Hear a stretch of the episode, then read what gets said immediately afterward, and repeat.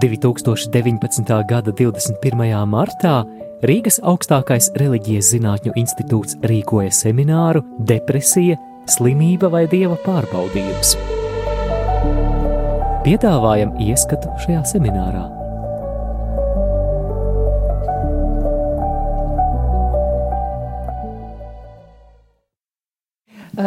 Tā kā mūsu institūts pievērš ļoti lielu vērību integrācijas jautājumiem, tagad mēs vēlētos dot vārdu mācītājam Kristam Kalniņam. Ieklausīsimies garīgā skatījumā uz depresiju un ar līdzīgiem fenomeniem. Labs vakars visiem! Jā, tad, kad mums atsūtīja e-pasta vēstuli, un es izlasīju um, visus kolēģus, kuri būs lektori šajā um, konferencē, ne seminārā. Ja? Es domāju, es pilnīgi noteikti nekvalificējos zem vārda eksperts, mīļie draugi. Es, es esmu pilnīgi pārsteigts, ka es esmu uzaicināts šeit, bet uh, varbūt tas, ka man ir 18 gadu pieredze uh, kalpošanā, pastorālajā kalpošanā kā mācītājam, tad es varbūt varu pateikt kaut kādas dažas lietas um, jā, no savas pieredzes. Un, um, Jā, jūs zināt, ir tāds teiciens, ka no slimības nemirst, ne? No tādas slimības nemirst, no tādas slimības nemirst, bet patiesībā mēs redzam, ka no depresijas cilvēki, ja ne no depresijas, bet depresijas slimībā esot, nonākot, cilvēki dziļā depresija izdara pašnāvību un, un cilvēki mirst, un arī manā ja jūs, ja jūs pazīstat tādu kursu, jeb ciklu enneagrammu, pazīstat, kas tas tāds ir, ja, par tādu dzimtes izpēti un par dzimtes koku, par, par, par dažādiem garīgiem, fiziskiem traucējumiem. Nu, tur ir ļoti daudz, kā mēs varam pētīt dzimtu, jā, arī manā dzimtā ir tā, ka manas mammas mās, mamma izdarīja pašnāvību, tad, kad viņai bija 48 gadi. Un uh, visdrīzāk tas notika tieši depresijas iespaidā, un uh, tad, kad mēs enneagrammā, piemēram, skatāmies un redzam uh, dzimtas svētības un lāstus, tad mēs redzam, cik ļoti tieši uh, manā, nu, manā dzimtā skatoties uz augšu šī cilvēka nāvi, cik ļoti dziļi viņi iespaidoja visu mūsu dzimtu tālāk uz tālākajām paudzēm, uh, jo tas. Uh, jā, izraisīja manas mammas dzīvē un mūsu dzīvē nu, spēcīgi iespēja, tāpēc mēs depresiju varam skatīties ļoti dažādi, kādā veidā tā ietekmē, un viņi noteikti, cilvēku dzīves, un viņi noteikti nav, neietekmē tikai vienu paudzi, bet viņa ar visu notikumu var ietekmēt milzīgas paudzes uz leju, uh, un, uh, un tādēļ tā ir ļoti, ļoti um, nopietna problēma. Um, man jāsaka, jā, manā pastorālajā kalpošanā faktiski, jā, es tā mēģināju kopsavilkumu taisīt kopā, ka depresija ir sava seja, depresija ir savas drēbes, depresija var atpazīt pēc tā, ka cilvēks ienāk, pēc tā, kā viņš izskatās un kā viņš, es nezinu, vai profesionāļi to arī piekritīs, bet vismaz man ir tāda sajūta, jā, ka tas cilvēka stāvs, sakumpušie pleci, pilnīgi neko neizsakošā seja, skatiens, kas ir sastindzis sarunas, kas tiek pārtrauktas un pazūd pavadieni, ir tādi, jā, priekš manas simptomi, kas norāda, ka cilvēks, cilvēks ir depresijā. Un, un tas, ko es esmu mācījies šajās kalpošanas gados, ka, protams, ir ļoti svarīgi, un es domāju, Latvijā vēl jo vairāk, man liekas, lēnām mēs to sākam praktizēt, ka uh, Uh, palīdzība cilvēkam jā, jāveic ir kopīgi, jeb tā holistiskā palīdzība, kur mēs nevaram atšķirt cilvēka ķermeni un cilvēka uh, dvēseli un cilvēka garu vienu no otru, un ja mēs gribam efektīvāk palīdzēt šiem cilvēkiem, viņiem ir jāsaņem visa veida palīdzība.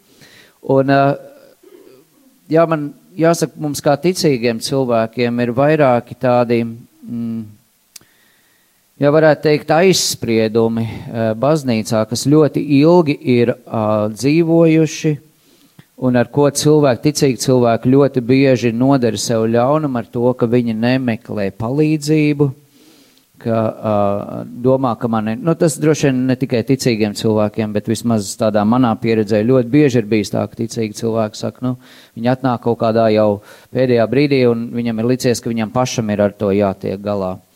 Un uh, es domāju, mums kā mācītājiem, arī kā jau mēs dzirdējām, kā, kā dakteris teica, ka šī depresija un, un viņai ir dažādas pakāpes un dažādas pazīmes un ir uh, ir tās, kas, piemēram, es strādāju kādu cilvēku apmēram desmit gadus, jā, uh, kuram ir uh, dažādas depresīvas pazīmes un, un, uh, un ir kaut kādi brīži, kuros likās, ka mēs tiekam uz priekšu, un ir kaut kādi brīži, kuros, um, kuros likās, ka viņš regresē un krīt atpakaļ, un, un, un man kā mācītājiem bija ļoti svarīgi, ka es var, viņ, varēju arī viņam ieteikt um, apmeklēt psihoterapeitus, apmeklēt psihologus, uh, kas var palīdzēt. Tā kā man liekas, ka ir ļoti svarīgi, ka mēs arī kā ticīgi cilvēki uh, uzticamies ārstiem, arī ārsti ir dievdot, arī gudrība, ko viņi uh, ir atklājuši, iemācījušies, ir dievdot, un mums ir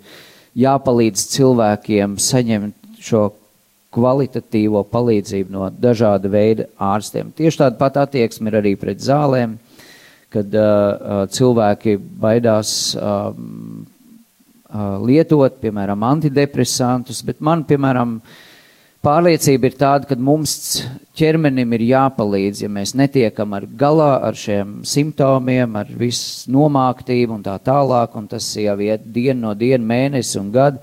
Mums ir jāpalīdz ar, ar, ar zālēm, mēs varam zāles lietot, un, un uh, mums fizioloģiski jādod sev tas, kas ļoti bieži uh, krīzē mūsu ķermenim šajā slimības krīzē, mūsu ķermenim pietrūkst.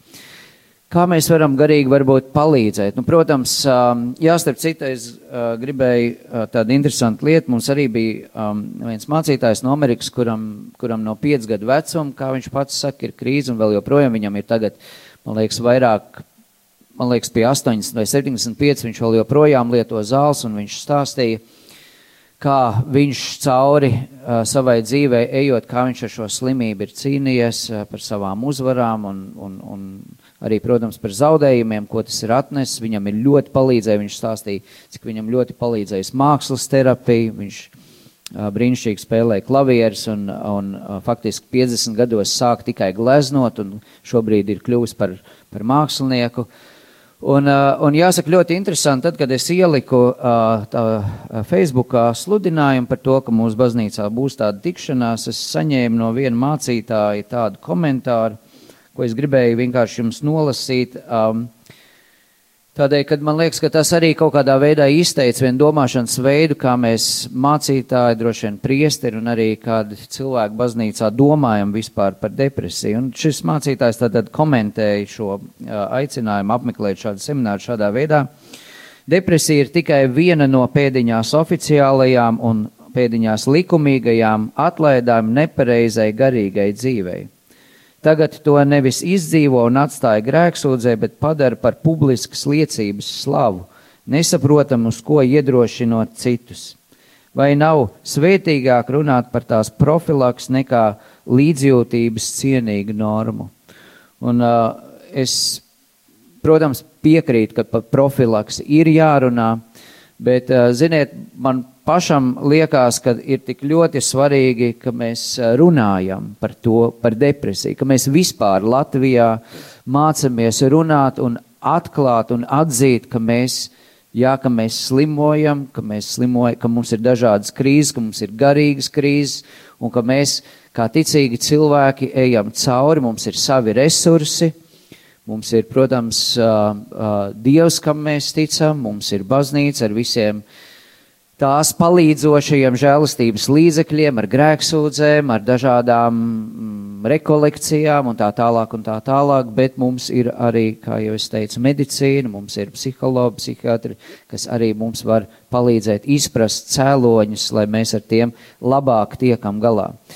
Starp citu, jā, arī varbūt šodien domājot par, um, par depresiju un par cēloņiem, man pēdējā laikā ir ļoti bijis jādomā arī par to, nu, kāpēc mēs kā ticīgi cilvēki baznīcā nevis aizejot no dievkalpojuma, jūtamies nu, tādi priecīgi, pacelti, uh, iedrošināti un stiprināti, bet uh, cilvēki pēc dievkalpojuma aiziet um, tieši tikpat nomākti, tieši tikpat uh, skumji vai, vai, vai, vai vēl kā mēs varam teikt. Ja, un, uh, Un man liekas, ka šeit mums arī kā garīdzniekiem un vispār kā ticīgiem cilvēkiem ir jābūt uzmanīgiem tas, ko mēs vispār sludinam un kā mēs saprotam evaņģēliju.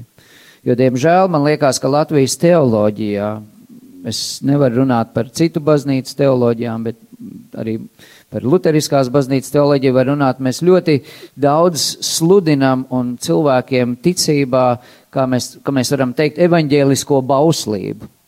Mēs cilvēkiem sakam, jums ir jāvar, jums ir jāspēj, jums ir jālīdzinās Kristum un tā tālāk. Tā vietā, lai mēs sludinātu evaņģēlī, ka Dievs mums dod žēlastību un ka patiesībā mums ir jāmācās saņemt žēlastību.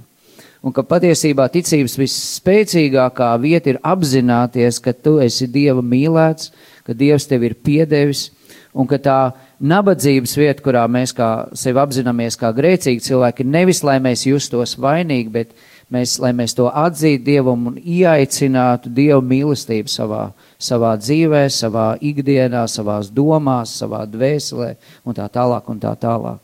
Tas, ko mēs uzņemam sevi, ja rada mūsos kaut kādu nu, um, uh, stāvokli, ticības stāvokli, kādā mēs dzīvojam. Un ja mūsu ticība nenes mums prieku, ja viņa uh, nedāvina mums spēku, ja, tad visdrīzāk mēs vienkārši uzņemam sevi vai nu nepareizu barību, vai nu uzņemam sevi nepareizu uh, interpretāciju par to, jo evaņģēlijas, mīļie draugi, mēs zinām, ir kas?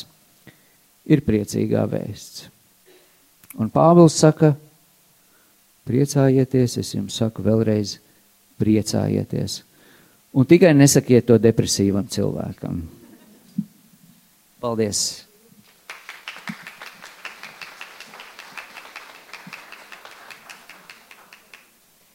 Paldies mācītājiem Kristam par šo iedrošinājumu un arī iedrošinājumu skatīties patiesībai acīs, skatīties arī uz mūsu aizspriedumiem. 2019. gada 21. martā Rīgas augstākais reliģijas zinātņu institūts rīkoja semināru Depresija, slimība vai dieva pārbaudījums. Piedāvājam ieskatu šajā seminārā.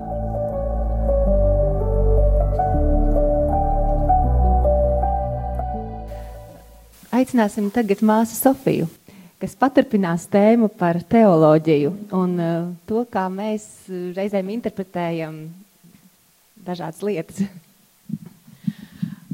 Es šodien gribēju ar jums arī parunāt uh, par tādu uh, lietu, ko mēs saucam garīgajā teoloģijā tumšā nakts. Katoļu svētie un arī daži pareizticīgie stāsta par tādu pieredzi, ka cilvēki jūt cilvēks jūt iekšējo tumsu. Un e, šeit es jums e, gribu piedāvāt tādu mm, fragmentu, e, ko ir uz, nezinu, kāpēc neiet, ja, ko uz, uzrakstīja Svētā māte Terēze no Kalkutas.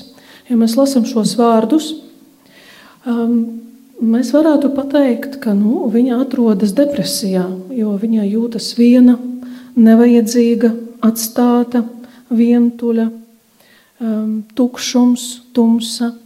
Um, dažreiz cilvēki, kuri nopietni praktizē garīgo dzīvi, sūdzas par to, ka viņa, viņa nejūt prieku skatoties uz skaisto dabu, klausoties uh, mūziku, ka viņi zaudē prieku um, skatoties uz ārējo pasauli. Un, uh, mums, kā arī garīgiem līdzgaitniekiem, garīgiem tēviem, arī vai pastorāliem konsultantiem, jāņem vērā, ka Garīga teoloģija runā arī par tādu parādību, ko mēs saucam tumšā nakts. Un šodien es gribēju parunāt eh, tieši konkrēti, kā atšķirt eh, depresiju no tumšās nakts. Eh, es šeit balstīšos Jāņa, Svētā Jāņa no Krusta teoloģijā. Protams, ka tad, kad Svētais Jānis no Krusta rakstīja savus darbus, 16. gadsimtā šīs jēdzienas depresija nebija zināms. Viņš lieto vārdu melanholija, vienkārši aprakstot tādu psihisku stāvokli, ka cilvēks ir nomākts, ka viņam neko negribas, ka viņam nav enerģijas. Un viņš tieši salīdzina šo psihisku stāvokli ar šo stāvokli, garīgo stāvokli, ko mēs saucam par tumšo nakti. Un pirmais, kas ir ļoti svarīgi, runājot, kā atšķirt depresiju no tumšās nakts, tas ir runāt par cēloni. Pirmais, ja mēs runājam par depresiju, tā kā mēs esam dzirdējuši, kā mums stāstīja mm, eksperti, speciālisti, kā cēlonis ir cilvēka psihiskajā dimensijā. Tas ir dabiskais cēlonis. Un tāpēc arī, e, tad, kad mēs meklējam, kā palīdzēt šim cilvēkam, e, ir jāmeklē arī dabiskus līdzekļus, lai tam cilvēkam palīdzētu ar psihoterapiju, farmakoloģiskie un e, citi dabiskie līdzekļi. Bet cēlonis tam, ka cilvēks jūtas atstāts vai tukšs vai um, tumsā, var būt arī dieva šķīstījošā darbība – Un šeit mēs runājam par eh, pārdabisko mm, cēloni, tātad par Dieva žēlastības darbību cilvēka dvēselē. Un tad, kad iet runa par šo garīgo pārbaudījumu vai šķīstīšanas procesu, tad tādam cilvēkam mēs varam palīdzēt tad, ja mm, dodam viņam garīgo padomu, kā pareizi uzvesties šajā tuksnesī vai arī šajā tumšajā naktī tieši no garīga viedokļa. Bet eh, tā kā mm, vēlreiz eh, gribētu, eh, lai mēs saprastu, kas ir tumšā nakts, pašu definīciju, kas tā par parādību, jo ne visas garīgas skolas runā par to, visvairāk par to runā tieši katoļu, katoļu teoloģija. Tad, tad, tad, kad cilvēks tuvojas Dievam, apzināti tuvojas Dievam un Viņā garīgajā ceļā var iestāties tāds posms, kad uh, Dieva šķistojošās darbības rezultātā viņš izjūt sevi iekšēju tumsu, pamestību, tukšumu un bezspēcību. Un mm, garīgi autori, tāpat arī svētais Jānis no Krusta, saka, ka šī nakts ir liela svētība. Viņš saka, svētī, uh, laimīga dvēsele, uh, kas saņem šo mm, žēlastību, ieiet naktī, Jo nakts ir garīgas dzīves attīstības sastāvdaļa. Tā ir tāda kā pārēja, vai lietojot Bībeles valodu, eksodus no dzīves, kur dominē egoisms un iekāres, uz dzīvi, kur valda nesautīga mīlestība, no vecā uz jauno cilvēku, tā kā saka apustulis Pāvils. Un es šeit ievietoju arī Jēzus vārdus, kad Jēzus mums dod bausli, kuru mēs nevaram paši ar saviem spēkiem izpildīt. Es jums dodu jaunu bausli, lai jūs cits mīlētu, cits, cits mīlētu, ka es jūs esmu mīlējis. Mīlēt kā Kristus nozīmē atdot savu dzīvību par draugiem, atdot savu dzīvību par otru cilvēku. Un garīga teoloģija runā arī par to, ka cilvēks, kas dzīvo garīgo dzīvi un ir sasniedzis mistiskās dzīves virsotnes, mīl, mīl nevis ar savu spēku, bet ar svēto garu. Pareizticīgie lieto mm, krieviski ļubīts svitim duham. Mīlēt ar svēto garu, mm, tātad nevis ar savu spēku, bet ar dievišķo spēku, un mēs paši nekad saviem spēkiem nevaram to sasniegt. Protams, ka ir ļoti svarīga cilvēka piepūle garīgajā dzīvē, Bet, eh, lai cilvēks būtu, eh, kļūtu spējīgs mīlēt ar Dieva mīlestību, ar Kristus mīlestību, ir nepieciešama Dieva pārveidojošā darbība. Un tieši tad, kad, cilvēks, kad Dievs darbojas dvēselē un cilvēks izjūt šo pārveidojošo darbību, sakarā ar to, ka Dieva darbība pārsniedz cilvēka dabiskās spējas, viņa izjūtas, viņa prātu, viss, kas ir viņa dabisks, pārsniedz. Tāpēc arī šīs dabiskās spējas izjūt tādu tumsu, jo dieva gaisma, dieva darbība it kā apžilbina cilvēku, un viņš, kā saka, zaudē tādu kā mm, kontroli par, par savu garīgo dzīvi, bet tikai tāpēc, kā Dievs grib viņu ievadīt citā dimensijā, kur vairāk viņš vada šo garīgo dzīvi. Tā ir tāda mistiska pieredze. Un Jānis no Krusta runā par sajūtu un gara nakti. Uh, es vairāk runāšu šodien par sajūtu nakti, kaut um, otrajā slaidā um, jūs izlasījāt mātes Terēzes uh, no Kalkūtas vārdus, to mēs varam uh, vairāk attiecināt uz šo gara nakti, uz šo vislielāko pārbaudījumu, bet Jānis no Krusta saka, ka visbiežāk um, garīgo tēvu praksē ir um, sastopama tieši sajūtu um, nakts. Uh, bet,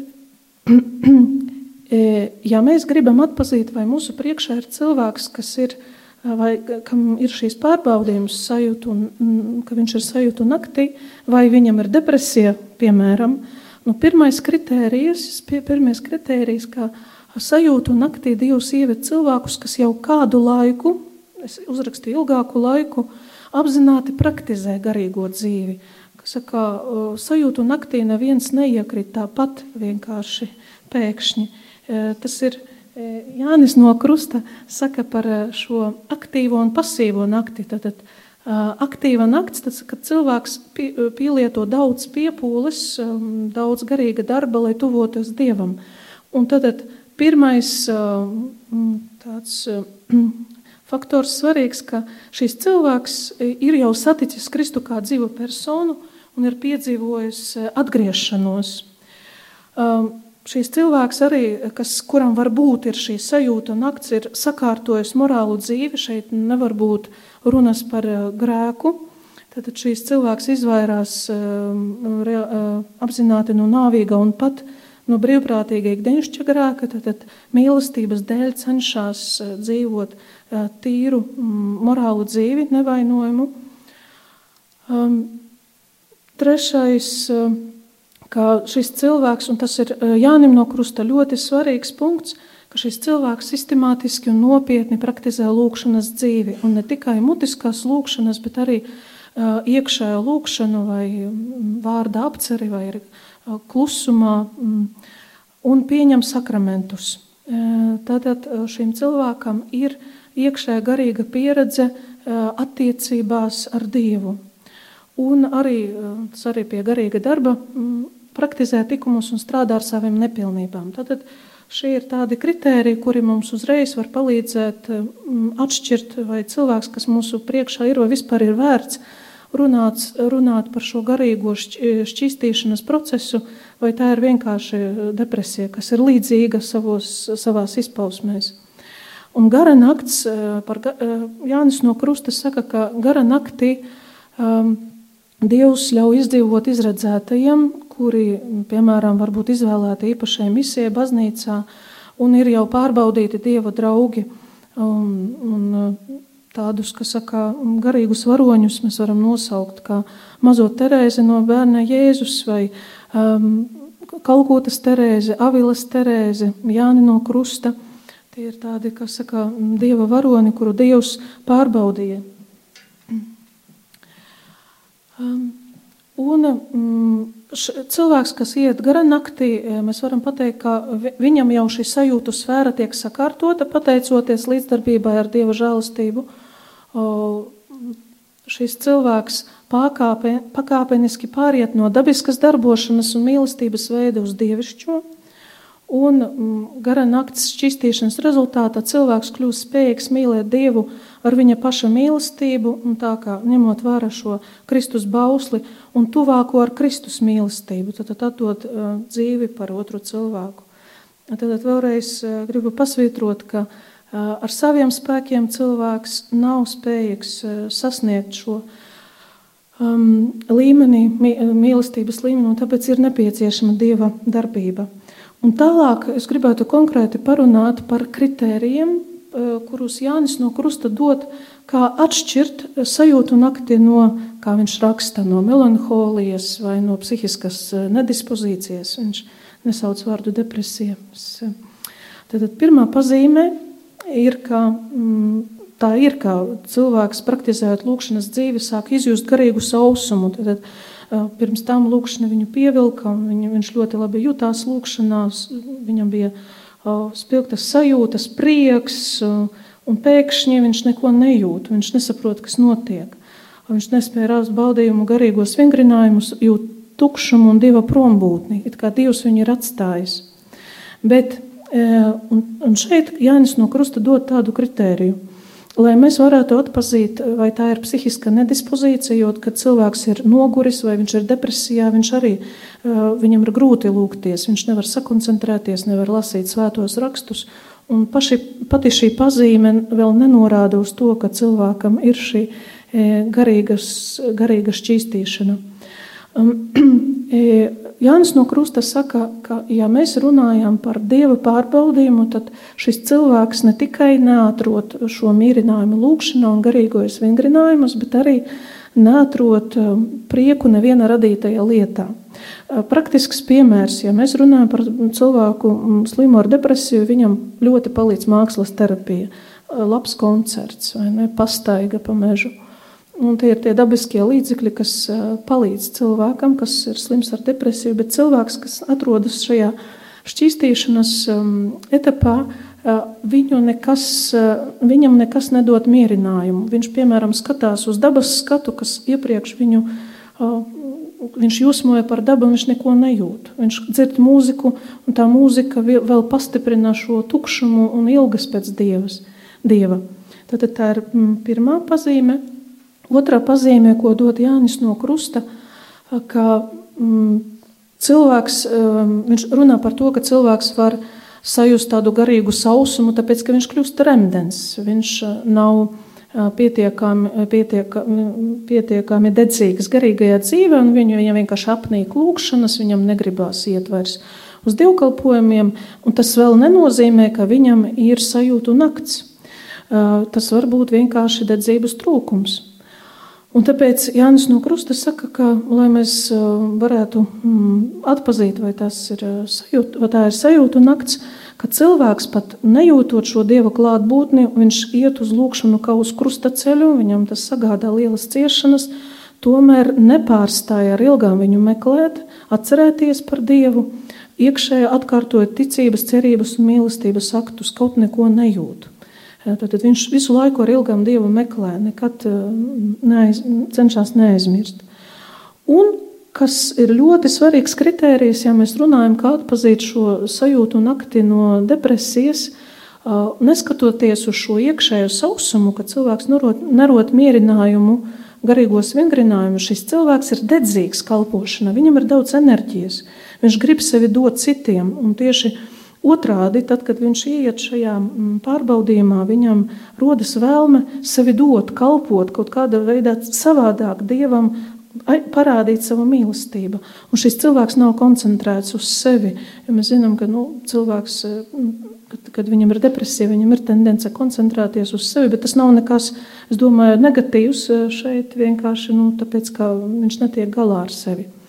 Un eh, vēl viens kriterijs, ka šo cilvēku arī pievelk klusums, vēlme būt vienatnē ar Dievu.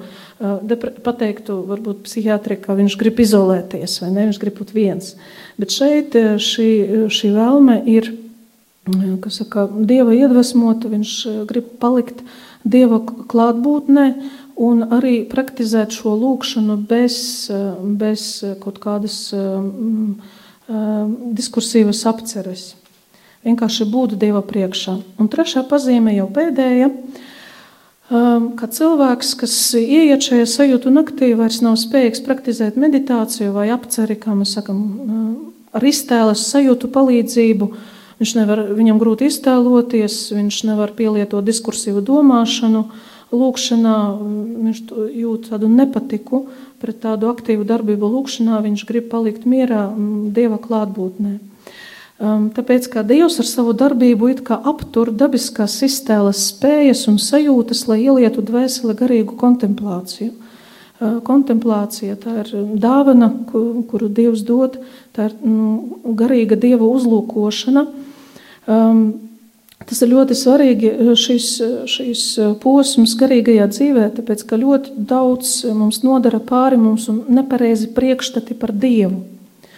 Un ka mēs, piemēram, dažreiz Dievu iedomājamies kā kaut kādu despotu un uh, projektējam, piemēram, savu miesīgo tēvu uh, uz to Dieva tēlu. Un tieši šis ir pirmais solis, kad Dievs attīra cilvēka apziņu no šī, šī, šiem priekšstatiem par Dievu, jo cilvēks vairs nevar iztēloties ar savu, lietot savas psihiskas spējas, un Dievs ielēja uh, tādu, mm, mm, ielēja kontemplācija, žēlastību, kad ar sirdi Dievs, cilvēks uzlūko Dievu tāds, kāds viņš ir.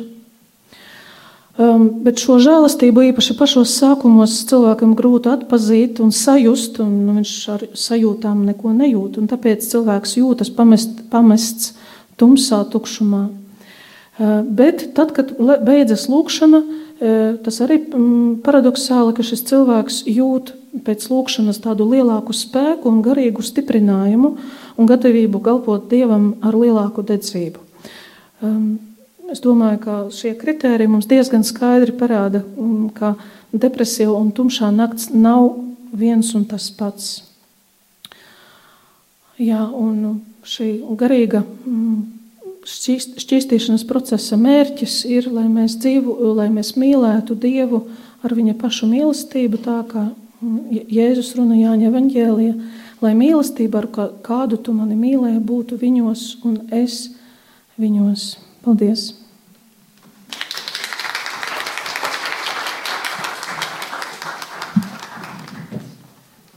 Sirsnīgs paldies māsai Sofijai par šo tik ļoti precīzo nošķīrumu. Šim, es domāju, diezgan retajam fenomenam, jo noteikti tie nav 7% populācijā, kas piedzīvo šādu veidu iekšēju sajūtu nakti. Um, tāpēc droši vien daudz biežāk cilvēki dodas pie psihoterapeita, tad, kad jūtas skumji.